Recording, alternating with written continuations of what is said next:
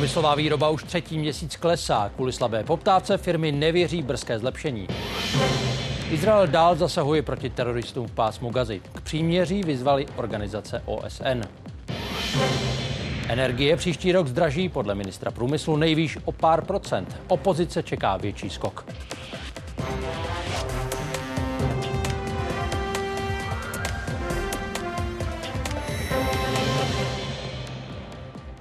Pondělí 6. listopadu a jeho události. Jsme rádi, že se díváte. Za nás oba dobrý večer.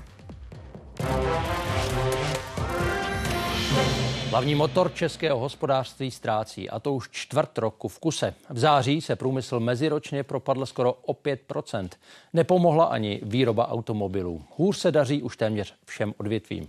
Zakázek ubývá v Tuzemsku i v cizině. Problémy má taky Německo, které je největším obchodním partnerem českých podniků.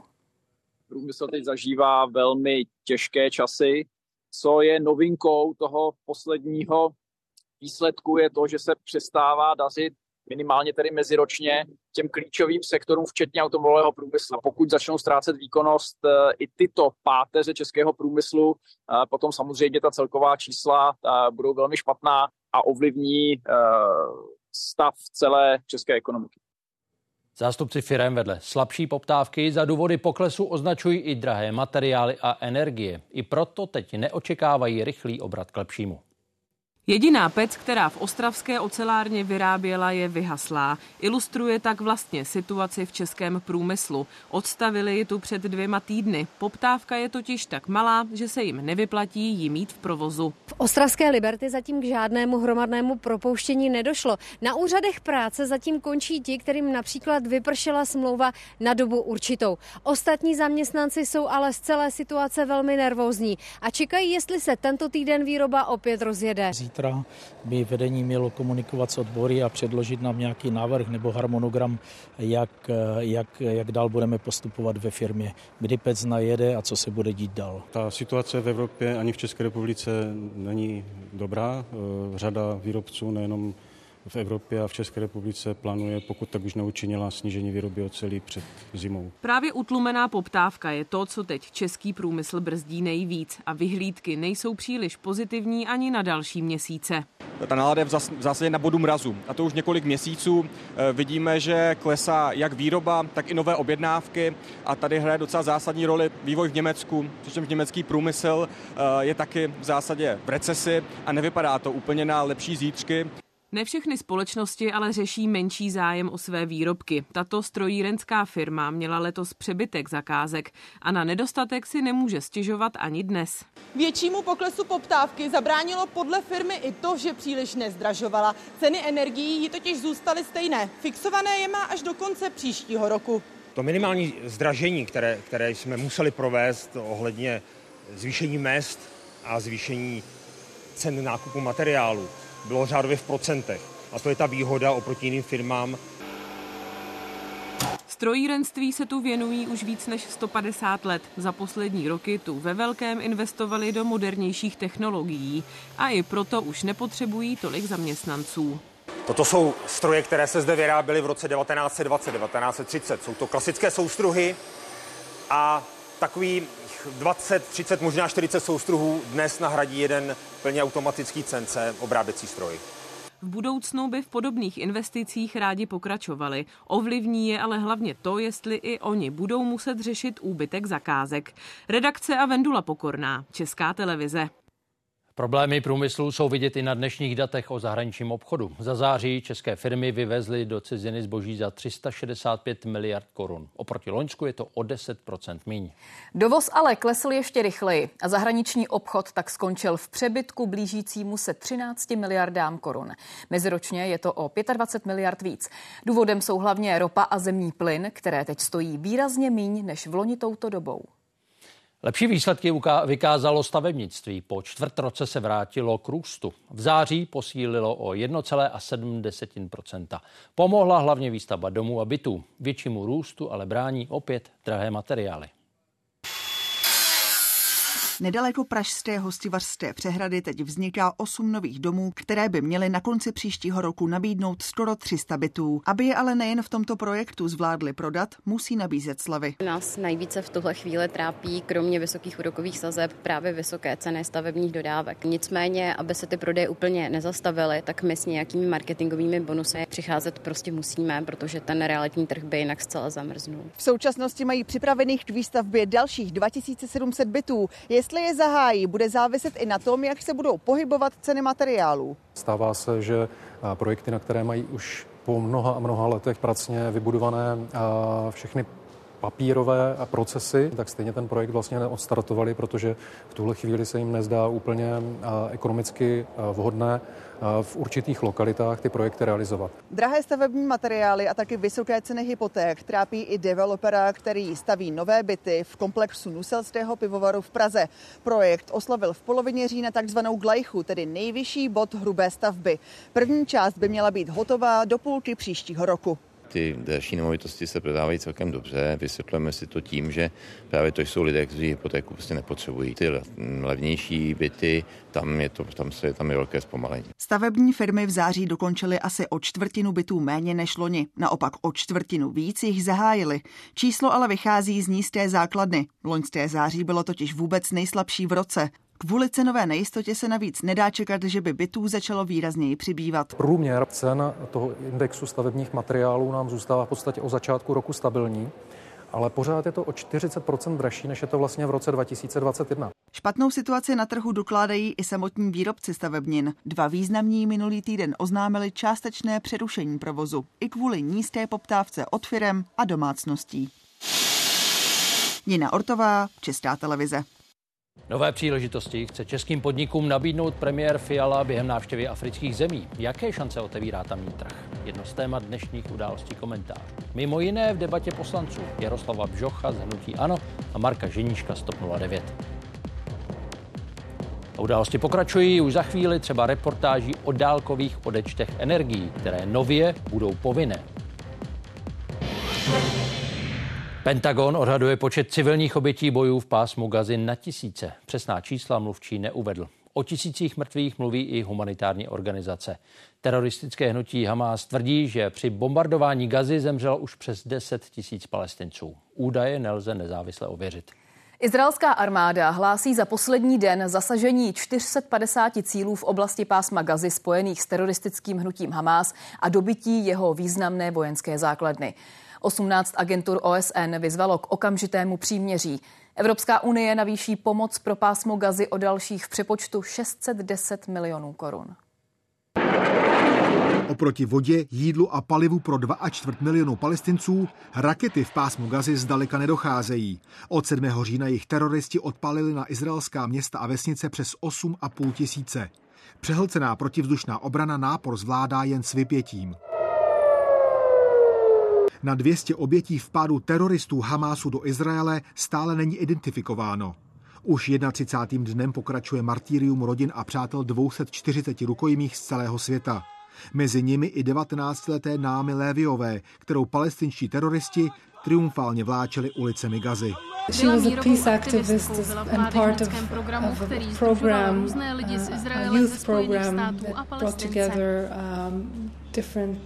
um, youth from Israel and from the United States and Palestinians. Pátrání izraelských komand po rukojmích v Gaze pokračuje. Vedle toho i masivní bombardování. Hamas oznámil 10 tisíc obětí. Údaj se nedá nezávisle ověřit.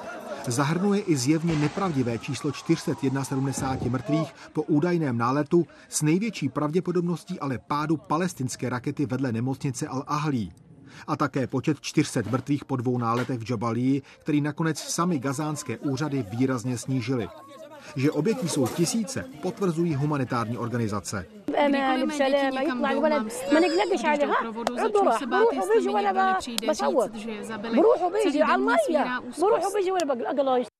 Pomalu postupující izraelské jednotky v Gaze zatím otevřely evakuační koridor pro až 300 tisíc civilistů z obklíčeného severu.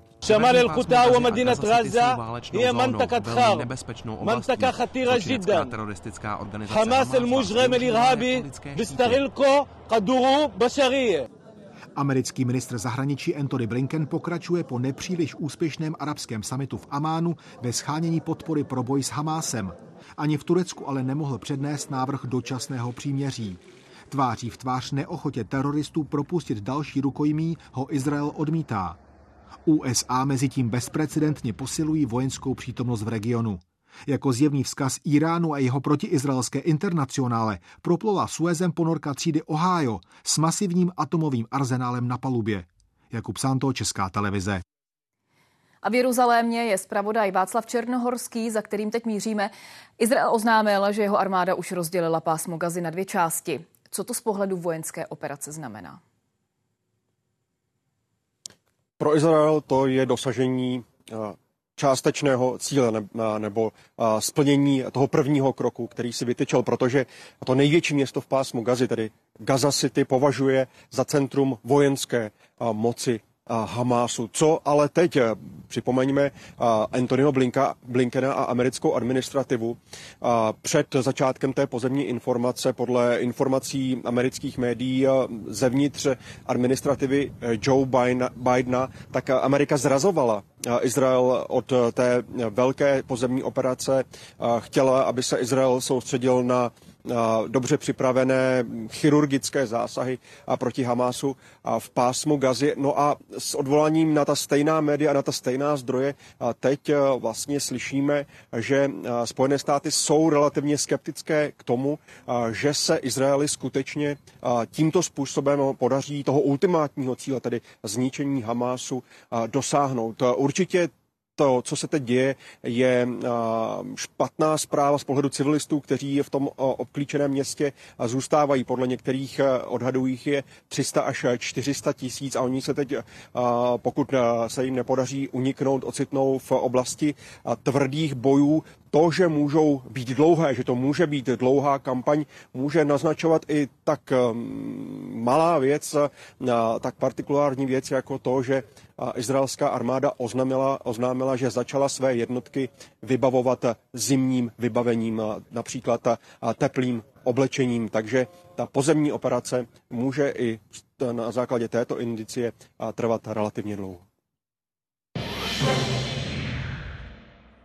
Krátkých odečtů tepla a teplé vody už jen ty dálkové. A v prvních domech a bytech už od příštího roku. Přibližně polovina majitelů ale podle zjištění Asociace nájemního bydlení o nové povinnosti vůbec neví. Na novou povinnost je upozornila firma zajišťující odečty. Měřidla proto vyměnili raději s předstihem. Během dvou dnů to bylo vyměněné a finančně náročná extrémně nebyla.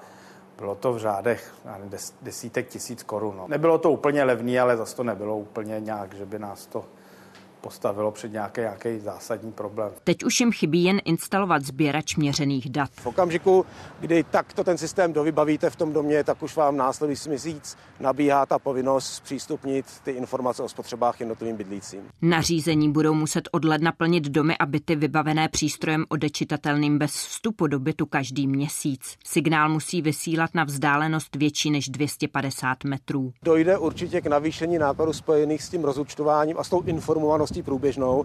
Je otázka, o kolik to bude. My si myslíme, to navýšení může dosáhnout třeba 100-150%, čili dnes místo těch 300 korun budeme platit 600-700. Novou legislativu mají podle Asociace nájemního bydlení za zbytečnou zátěž skoro dvě třetiny individuálních pronajímatelů. Někteří správci nemovitostí jsou ale přesvědčeni o přínosu.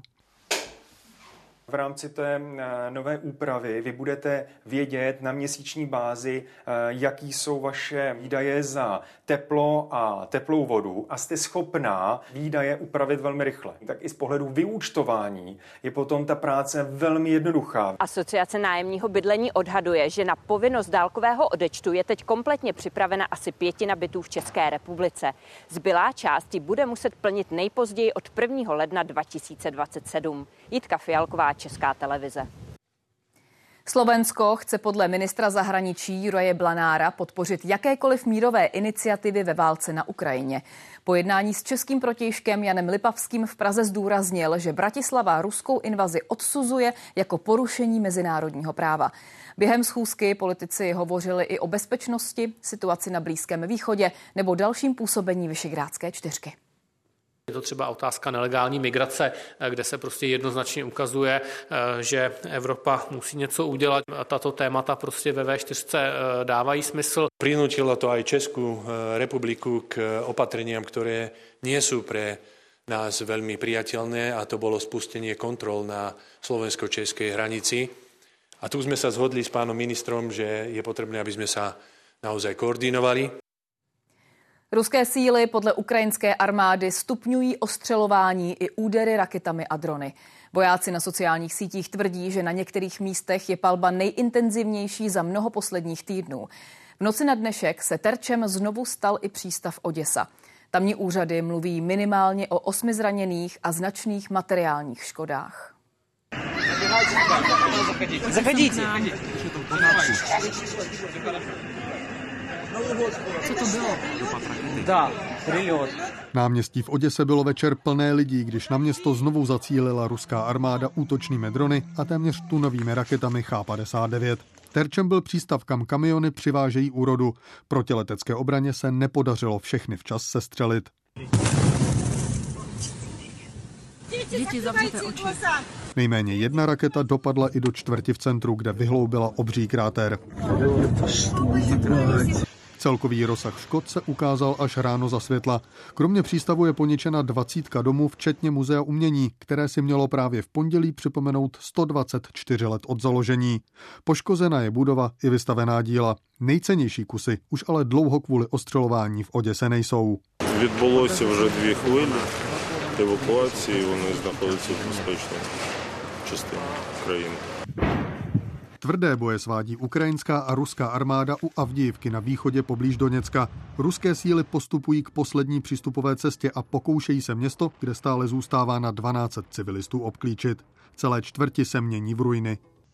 Moskva i Kiev mezi tím oznamují vývoj nových zbraní. Rusko se chlubí testem mezikontinentální balistické rakety Bulava, odpalované z jaderné ponorky car Alexandr III. Ukrajina zase začátek sériové výroby vlastních útočných dronů, podobných iránským šahídům, které v noci mířily na Oděsu. Mají mít dosah až tisíc kilometrů. Po startu z centrální Ukrajiny by tak mohli doletět do Moskvy i k dalším velkým ruským městům. Ozval se také čečenský vůdce Ramzan Kadyrov. Ten překvapil prohlášením, že velká část tzv. Wagnerovců se po smrti Evgenie Prigožina přidala k němu a právě cvičí s jeho speciálními silami Achmat. Informaci doplnil záběry, na kterých nikdy není vidět víc než čtyři muže najednou. Video bez masových scén Kadyrov vysvětluje svým zaměřením na kvalitu, nikoli kvantitu. Bývalí Wagnerovci se podle ní už brzy opět zapojí do bojů, na které bojiště hodlá vyslat, ale nenapsal. David Miřevský, Česká televize. Odročený soud s psychiatrem Janem Cimickým.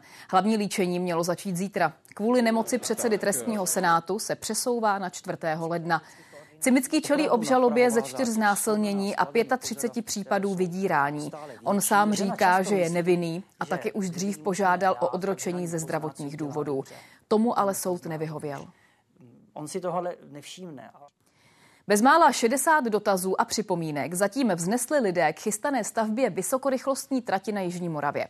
Železničáři teď dokončují dvouměsíční kampaň v obcích, kde by se takzvaná jižní větev dráhy měla začít stavět nejdřív zhruba za tři roky. Požadavky mají samozprávy i obyvatelé. Jednu z posledních diskusí v Žabčicích na Brněnsku sledoval Jiří Vízner. Jaké připomínky zaznívaly nejčastěji?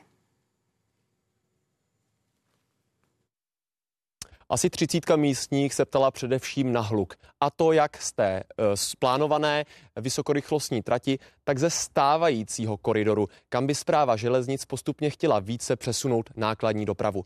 Zatím nejvíc připomínek ale přichází v tom jihomoravském úseku ze severní části, konkrétně město Rajhrad požaduje ve svém katastru delší tunel, tak aby město nepřišlo o lokalitu pro možnou výstavbu obytné čtvrti. Takhle dlouhý tunel je ale podle architekta zprávy železnic Lukáše Titla nereálný. Celou stavbu by totiž prodražil a to o miliardu korun. Ty teď z odhadované náklady eh, činí 25 miliard. Výkup pozemků by měl začít v příštím roce a podle architekta by první rychlovlaky mohly na Jižní Moravě vjet začátkem příští dekády. Slovensko podle premiéra Roberta Fica nebude bránit tamním podnikům při výrobě a dodávkách zbraní. Ještě před návratem do funkce předseda vlády kritizoval posílání vojenské pomoci na Ukrajinu. Bratislava Kijevu poskytla například vyřazené stíhačky MiG-29 nebo 8 samohybných houfnic Zuzana 2. Další šestnáctku těchto strojů má zaplatit Dánsko, Norsko a Německo. Podrobnosti jsou na webu ČT24. Příběh o dospívání ze 16. století. To je Fichtelberg, dobrodružný historický trikový film, který právě dotočil režisér Šimon Koudela v koprodukci ČT. Před kamerou se setkali i herci Karel Dobrý a Jiří Štěpnička. Tiše všude. Akce. Co se to tu děje? Natáčí se jedny z posledních scén v dekoracích šlechtického sídla. Děj se odehrává v Jizerských horách na hranici Českého království. Co se to tu děje, kam se poděl? No? Seš ty, e, následuje to tvoje vlastně, to zakletí německé. Hraju Zikmunda Směřickýho, což je historická postava, vlastnil v podstatě celý Čechy ale to je tak jediný jako styčný bod e, s realitou, s historií, jinak ten příběh je vlastně fikce. Je rok 1547, středověk v Čechách pomalu končí. Jiří Štěpnička hraje německého šlechtice. Tam je napsaný jako, že koktáte. To, to, to, to, to je Aha, takhle, jo, jo. Rád hrajete v dobových historických filmech? No Ježíš Maria, samozřejmě. Má to prostě tu historickou hodnotu. Musím říct, že jsem vždycky chtěl hrát Janošíka a tak. Tady je ale hlavní postava mladý rytíř, sirotek. Hnaný touhou po lásce a uznání se vydává do hor. Tam se dějí divné věci. Fantazi to určitě není, ale je tam mnoho věcí z reálných událostí. Je třeba úzce zpět ten příběh s popravou roku 1547 na Hračanském náměstí. Z téměř poloviny to bude trikový film. Nejen scény z hor natáčeli filmaři před zelenou klíčovací plochou. Chceme pracovat s takovými jako trikovými výtvarnýma postupama, výtvarnýma zásahama do toho třeba reálně natočeného obrazu. Kombinací animace s živými herci pak chtějí navázat na tradici Karla Zemana. Dobře. Stop. Kromě studia na Kavčích horách, kde filmaři natáčeli hlavně interiéry, našli také mnoho lokací po celém Česku, třeba klášter Doxany nebo Českosaské Švýcarsko. Pavla Sedliská, Česká televize. Zácný jev na českém nebi. Na obloze se objevila polární záře. Za barevný úkaz můžou sluneční erupce. Víc v reportáži. Bezpečnost na českých silnicích se zvyšuje, přesto se mrtví každoročně počítají na stovky. Co udělat, aby se počet obětí dopravních nehod snížil, se budeme ptát kolem půl osmé. Pokračující spory o ceny energií podle resortu průmyslu příští rok stoupnou maximálně o jednotky procent. Nic na tom podle ministra Síkely nezmění ani končící stropy u cen elektřiny a plynu. Opozice si myslí opak. Očekává prudké zdražování a chce kvůli tomu svolat i mimořádnou schůzi sněmovny. Na změnu záloh se společně podíváme. Můžu vás poprosit o číslo zákaznického účtu. Pražské call centrum jednoho z dodavatelů energií. Podobné dotazy teď před koncem roku operátoři vyřizují častěji. Je to přibližně 50% těch dotazů, které denně odbavíme. Ptají se na cenu, zda ty zálohy mají nějakým způsobem měnit a co bude dál. Cenový strop 6 korun za kWh elektřiny a 3 koruny za plyn u tohoto dodavatele teď využívá zhruba 500 zákazníků. Omezení ale od ledna skončí razantního nárůstu cen se ministr průmyslu ani potom to neobává. Naše opozice neustále straší, že nebude plyn, že zkrachují všechny naše firmy. Teď, že ceny elektřiny v příštím roce vzrostou o desítky procent. Nebyla to pravda loni a není to pravda ani nyní. Zastropování cen podle něj fungovalo. Hlavní dodavatelé teď kontaktují zákazníky, kteří mají zafixované vyšší ceny než je současný strop. Nabízejí jim nové smlouvy s příznivějšími cenami. Má v současné době zastropované ceny téměř 2 miliony zákazníků, zejména u elektřiny. Těmto zákazníkům se zlevní na přelomu roku ta silová složka. Půjde to dolů o více než 20% u elektřiny a téměř 30% u plynu. Je o 16 16% níž pod cenovým stropem v případě plynu a o 16% stejně tak u ceny elektřiny. Ehm, oslovili jsme více než 200 tisíc našich zákazníků a v tuto chvíli musím říci, že 80% už eh, zareagovalo a podepsalo nové smlouvy. Cenový strop byl 5 korun eh, bez DPH za 1 kWh, nyní je to přibližně o 20% levnější. Kroky vlády dnes opozice řešila i na konferenci ve sněmovně pod záštitou exministra Karla Havlíčka. Kritizuje hlavně, že by mělo dojít k nárůstu regulované složky, což pro domácnosti i firmy může znamenat podle hnutí ANO výrazné zdražení. Já si z toho beru to, že se musí sjednotit koalice a opozice na tom, jaká bude role státu v oblasti energetiky. My tvrdíme, že by měla být silnější, jsem toho názoru, že by měl ČES být zcela pod kontrolou státu. Hnutí ANO chce kvůli cenám energii svolat mimořádnou schůzi. Už na konci minulého týdne na svém klubu se sbíralo dostatek podpisů pro její svolání a žádost by měla nejpozději ve středu šéfka klubu předat předsedkyni poslanecké sněmovny. Jednání se očekává příští týden. Za mě je zcela eh, na místě, abychom mohli využít i třeba tohoto prostoru k tomu, informovat lidi, uklidnit je, že ceny energií nebudou takové vysoké vysoké, jak se právě třeba i opozice domnívá. Ministr Síkela podle svých slov chce na schůzi zdůraznit možnosti státu po hospodaření minulé vlády, v níž byl i Havlíček. Ten ale takovou kritiku dlouhodobě odmítá. Redakce a Martin Schneider, Česká televize. Do Česka se dováží míň ojetých vozů. Letos do konce října jich bylo něco přes 132 tisíc. Číslo je téměř o 5% nižší než před rokem. Průměrné stáří aut pořízených z druhé ruky se blíží 11 letům. Každé druhé je starší 10 let. Evakuace nejméně 150 lidí kvůli nálezu munice na Teplicku. Policie vyklidila okolí závodu Vertini nad Bílinou, kde ráno dělníci našli při výkopových pracích podezřelé předměty. V desetimetrové hloubce ležely čtyři 60-kilové letecké pumy. Pyrotechnici je odvezli k likvidaci. Nebe nad Českou republikou rozářila výjimečně silná polární záře. Objevila se na severní obloze už po setmění. Zájemci ji ale mohli pozorovat celou noc. Další příležitost bude dnes večer a pravděpodobně i v dalších dnech, už ale ne pouhým okem. Červené a fialové záblesky mezi mraky. Na noční obloze nad střední Evropou neobvyklá podívaná. Někdo ji vyfotil jen tak z okna. Další čekali na ideální záběr celou noc. Takhle ji zachytil Jan Husák na Valašsku. O podobný snímek se snažil 10 let. Říkám, to není možné, tam musí něco hořet, nebo tak. Když jsem vzal foťák, nasadil jsem ho na stativ a začal jsem fotit, tak to se to nebe bylo úplně zářivé. Právě na Moravě a na Vysočině byly podmínky nejlepší. Ve zbytku republiky zakryly severní oblohu mraky. Je vidět teda takový zelený límce, takže ta polární záře tam byla, no ale bohužel teda e, na místní podmínky to je smůla. Za úkaz může právě tahle sluneční erupce. Než se otiskla do zemské atmosféry, trvalo to dva a půl dne. Slunce čas od času do svého okolí vrhne obrovský mrak nabitých částic. V tomto případě to bylo v pátek ráno našeho času. A když se jim dostane do cesty Země, vstoupí do hry její magnetické pole.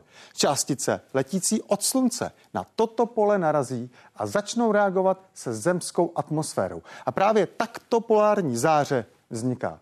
V aktuální erupci navíc došlo k tomu, že magnetické pole Země bylo hodně oslabené a proto byla polární záře vidět i jižněji, než je obvyklé. Polární záře se na české obloze objevuje spíše výjimečně. I tak jde letos už o její třetí pozorování. Předtím se objevila v Dubnu a ještě v únoru. To se může zdát, že to je relativně často, nicméně v současnosti jsme v maximu sluneční činnosti. Takže je možné, že uvidíme další? Eh, možné to je, ano, rozhodně se to nedá vyloučit. Jakou bude mít polární záře barvu, určuje nadmořská výška, ve které vzniká. U nás bývá nejčastěji červená až fialová, blíž k pólu svítí zeleně nebo modře. Polární záře se bude nad českým obzorem objevovat pravděpodobně až do konce tohoto týdne. Nebude už ale viditelná okem, ale pouze skrz fotoaparát nebo dalekohled, a to především z míst, kde je větší tma, jako jsou například hory. Redakce a Karolína Nová, Česká televize. Bezpečnost na silnicích se zvyšuje, ale ne tak rychle, jak si stát vytyčil. To je hlavní závěr zprávy, kterou dnes zveřejnil nejvyšší kontrolní úřad. Ten zároveň předpokládá, že snížit počty obětí dopravních nehod zhruba na polovinu se nepodaří ani do konce roku 2030. Podle ministerstva má pomoc třeba novela silničního zákona. Platit začne od ledna. Stále ještě tady vidíme stopy po té nehodě, eh, to světí z krajnice, stopy toho auta i eh, na tom stromu eh, je vidět to první škrtnutí. Bohužel to vozidlo pokračovalo dále. Nehoda z minulé soboty nedaleko Mladé Boleslavy. Ještě tu hoří svíčky. V autě zemřel teprve 19-letý mladík. Je to typická situace právě u těch eh, nejmladších řidičů, kdy právě ztrácí pozornost třeba na těch zdánlivě jednoduchých úsecích. Jako je i tento. Na rovince lemované alejí přitom jen o pár metrů dál míjíme další čerstvý pomník. Patří o tři roky staršímu řidiči. Mezi lety 2011 a 2020, které nejvyšší kontrolní úřad sledoval, sice o víc než třetinu klesl počet úmrtí na silnicích. Loni zemřelo skoro 460 osob. Národní strategie ale počítala s tím, že to nebude víc než 333 osob. Tohle číslo už překonaly i letošní statistiky, a to v průběhu září. Potřebujeme přidat v některých oblastech. Eh, konečně budeme mít eh, novelu zákona o silničním provozu, řidičák na zkoušku pro mladé řidiče, zpřísnění u těch sankcí. Právě v činnosti koordinátorů inspektorů, kteří mají na starost osvětu v regionech, našel NKU nedostatky. Chyběla podle něj kontrola nadřízeného centra služeb pro silniční dopravu. Jim hradili 100 hodin za administrativní činnosti nebo za práci ve skladu, nebo dokonce jim zaplatili i za účast na společenských akcích. Koordinátoři budou řízení přímo ministerstvem dopravy, to znamená, to eh, řízení bude jednotnější. NKU kritizoval taky zastaralé způsoby kampaně a cituje přitom ze závěrečné zprávy BESIP týmů z loňských dnů na to. Na akci jsme se pokusili návštěvníkům dávat i přes jejich odpor letáky. Na neštěstí naše snaha nepadla na úrodnou půdu a naprosto drtivá většina letáků skončila v kontejneru. Postupně toho rozhodně ubíráme a dneska všechno BESIP především umístuje na webové stránky. Budete mluvit s reálným operátorem záchranné služby? Osvětu šíří i ve školách, dnes třeba na Střední obchodní akademii v Liberci. Jak ošetřit zraněné při nehodě, ale i jaká rizika je za volantem čekají, si vyslechla i Aneška Navrátilová. Právě si dodělává řidičák. Po novém roce tak už začne řídit, ještě v 17. Podle mamky a hlavně já si můžu vlastně ty mentory určit, jaký já chci. Takže třeba mamka, taťka, strejda. Právě mladí řidiči do 24 let jen letos zavinili 53 nehod, při kterých někdo zemřel, v některých případech i oni samotní. Barbara Silná a Denisa Kotková, Česká televize. V posledních 11 letech zemřelo na českých silnicích přes 6800 lidí. Dalších skoro 29 tisíc utrpělo těžká zranění. Loni bylo obětí nejméně v historii. Přesto je Česko v počtu usmrcených osob na milion obyvatel horší, než je celounijní průměr. Spolu s Maltou a Polskem obsadilo 17. až 19. místo. Nejméně mrtvých má Švédsko, nejvíce Rumunsko. V souvislosti s dopravními nehodami poukázal NKU taky na vysoké ekonomické ztráty. Úřady jen loni odhadly skoro na 135 miliard korun. To odpovídá víc než dvěma procentům HDP. Kritiku kontrolorů sklidilo ministerstvo dopravy hlavně za to, že upustilo od povinného nošení ochranné přilby při jízdě na kole. V uplynulých pěti letech zemřelo 184 cyklistů, kteří ji neměli. Samo ministerstvo přitom spočítalo, že až 37% z nich mohlo s helmou přežít. V České republice a vidíme to zejména ve velkých městech se uh, velmi dynamicky rozvíjí uh, takzvaná sdílená mobilita. V momentě, kdybychom uh, zavedli povinné přilby, tak bychom tu sdílenou mobilitu, která přispívá ke zlepšení toho prostředí v dopravě ve městech, tak bychom ji mohli ohrozit. Ředitelství silnic a dálnic podle NKU nedostatečně kontrolovalo a zvyšovalo bezpečnost v místech, kde se často havaruje. Naopak správný krok udělalo při odstraňování nepovolených reklam a při dopravním značení, které upozorňuje řidiče na jízdu v protisměru. Počet těchto incidentů v poslední době klesl. Ve své době to byly asi nejsledovanější značky v zemi. Instalace triviální a na poměry dopravních staveb velmi levná, přesto politicky ožehavá. To všechno v době, kdy policie řešila v podstatě jedno oznámení o jízdě v protisměru denně. Silničáři nechali vyrobit speciální značky. Ministerstvo ale nejdřív povolilo jejich umístění jen na čtyři křižovatky, tedy jen asi jednu ze sta. Argumentovalo tím, že plošné nasazení by je devalvovalo. Těch varování je hodně a drtivá většina se neprokáže. My musíme zhodnotit, kde to má smysl, aby na těch rizikových místech ta značka opravdu sloužila. Tehdejšího ministra jsme kontaktovali i teď. Vyjadřovat se už nechtěl. Věci se daly do pohybu až po jeho rezignaci. Zeleně jsou značky umístěné, červeně jsou ty, které se budou v nejbližších dnech umístěvat. Tam, kde byla zavedena například tato značka, ať už mluvíme o Rakousku či o Slovensku, tam opravdu ten pokles byl v řádu desítek procent. O čtyři roky později dávný spor oživili kontroloři NKU a s jednoznačným závěrem. NKU hodnotí uvedenou aktivitu jako přínosnou pro zvýšení bezpečnosti. Značení jízd protisměru snížilo počet vjezdů eh, do protisměru na dálnicích. Takováto dopravní značka stojí řádově jednotky tisíc korun. Od 1500, to se udávalo v době, kdy je nasazovali silničáři, až po zhruba 10 tisíc korun. To je cena pro koncové zákazníky. A to jenom kvůli této špičkové reflexní folii. I proto ještě nejsou na všech místech a ani v jednotném provedení. V okamžiku, kdy značkami zalesníme úplně celou síť, tak je mnoho řidičů přestane eh, takzvanou provozní slepotou vnímat. I přesto, že NKU tohle hodnotí jako jedno z těch efektivních opatření, které vám ani nevytýká. A pojďme o tom diskutovat. Neznamená to, že podobné případy se přestaly stávat, ale úbytek je zřetelný i na materiálech, které zveřejňuje policie. Proti vám jelo auto, jo? Ano, ano, jelo, já ano. se vylekal. No. Má jet auto v protisměru, zařete 250 ve směru na Brno. Případ ze začátku letošního roku. Jižně od Brna se po dálnici žene Ford Focus za volantem 89-letý senior. Velkou rychlost projel kolem nás, jede dál. Tady řidiče značky nezastavili a bylo potřeba hned několik policejních aut. Vesmír, vesmír, 80 vozidlo zastaveno, jo? Jan Bránek, Česká televize.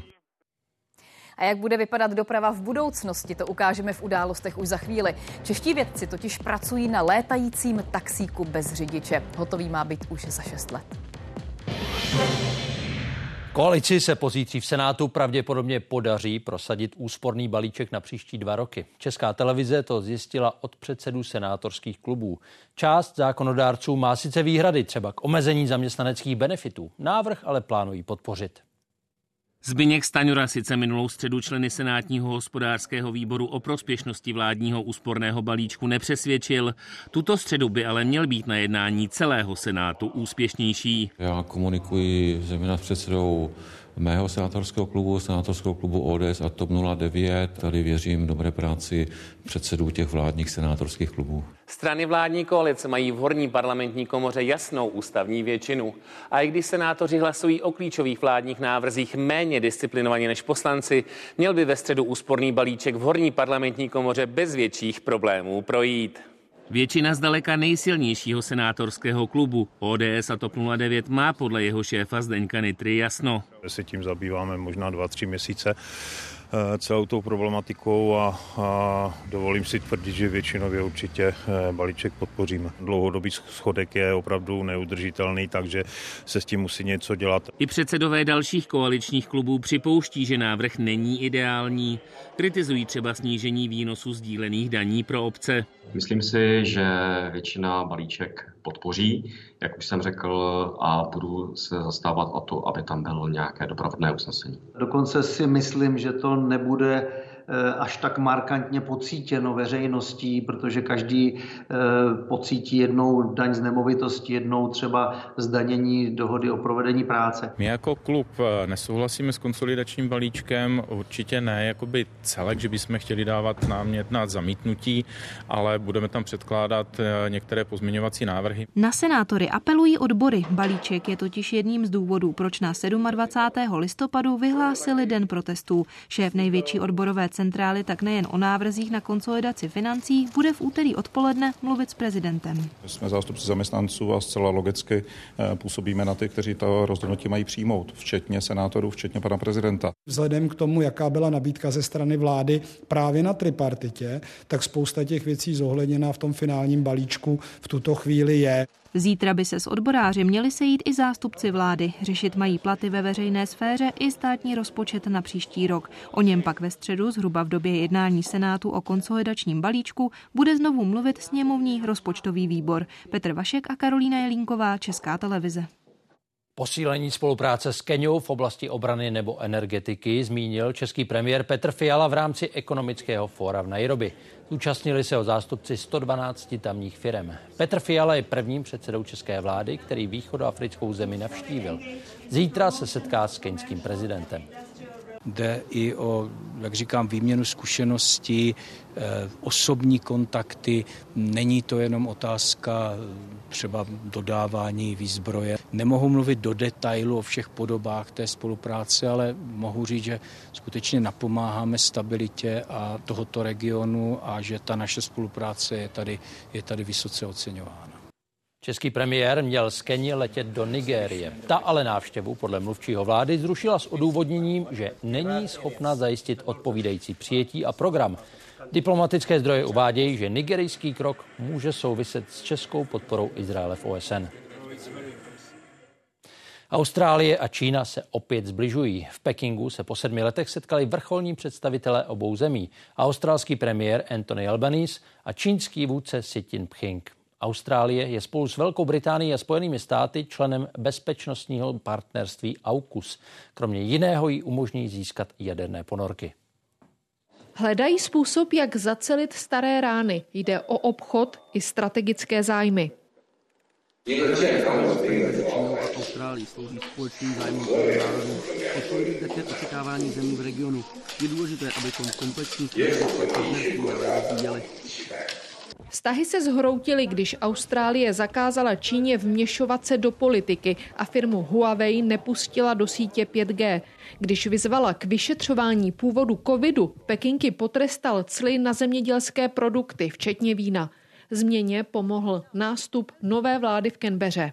Čína je největším obchodním partnerem Austrálie. Loni vzájemná výměna dosáhla bezmála 200 miliard dolarů a Austrálie je pro Čínu zase důležitým dodavatelem surovin, jako je železná ruda. Oteplování vztahů přináší výsledky. Peking postupně odstraňuje obchodní bariéry, souhlasí s revizí cel na víno. Z vězení po třech letech propustil australskou moderátorku čínské televize. Canberra zase ukončila bezpečnostní prověrku kontroverzního pronájmu darwinského přístavu čínskou společností. We need to cooperate with China where we can, uh, disagree where we must and engage in our national interest. Přesto se nad jednáním vznáší mnoho sporných bodů a bezpečnostních obav. Peking stále vězní australského spisovatele obviněného ze špionáže.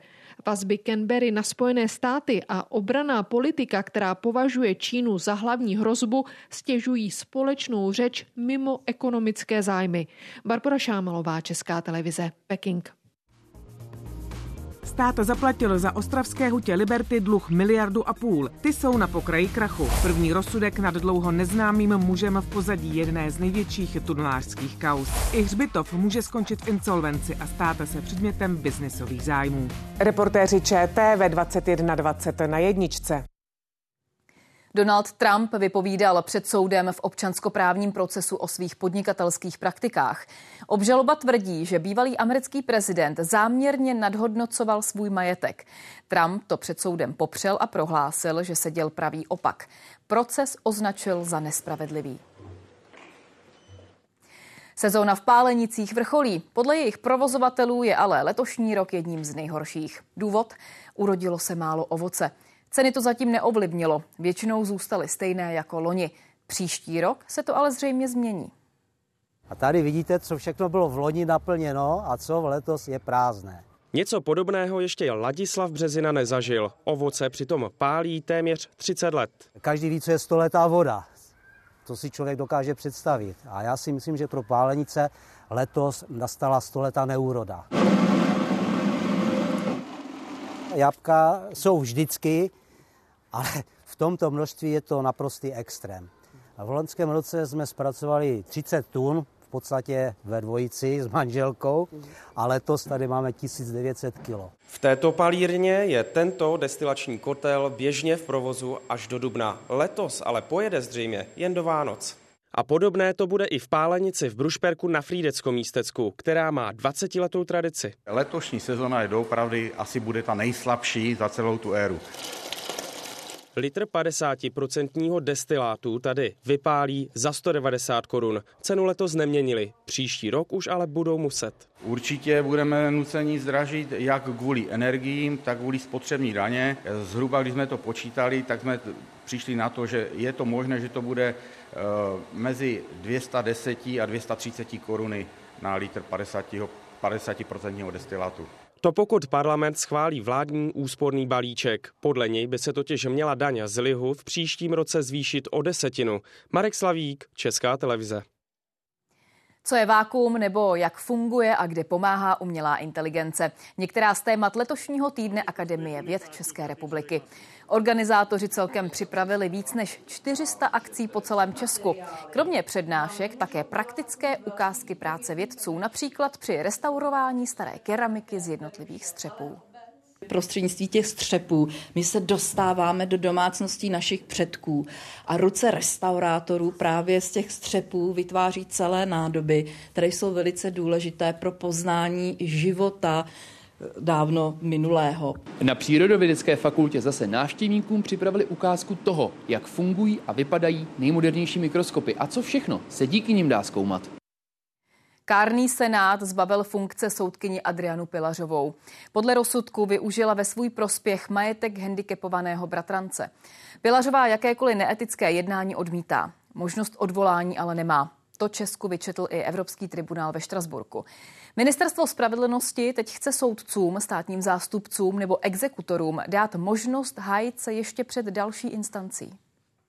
Zaviněně porušila povinnosti soudkyně, tím spáchala kárné provinění a za ně se jí ukládá kárné opatření, odvolání z funkce soudkyně. Nejpřísnější trest do životní konec justici. V Česku padá jen výjimečně. Pražská soudkyně Adriana Pilařová přišla o talár kvůli chování mimo jednací síň. Byla opatrovnicí svého handicapovaného příbuzného a podle kárného senátu svého postavení zneužila. Za podhodnocenou kupní cenu koupila jeho nemovitosti, nechala je zastavit, eh, ručil vlastně tím svým domem, který mu zbyl tím podílem za její dluh u banky. Do domu se Pilařová sama nastěhovala, zatímco její opatrovanec žije v domově pro seniory.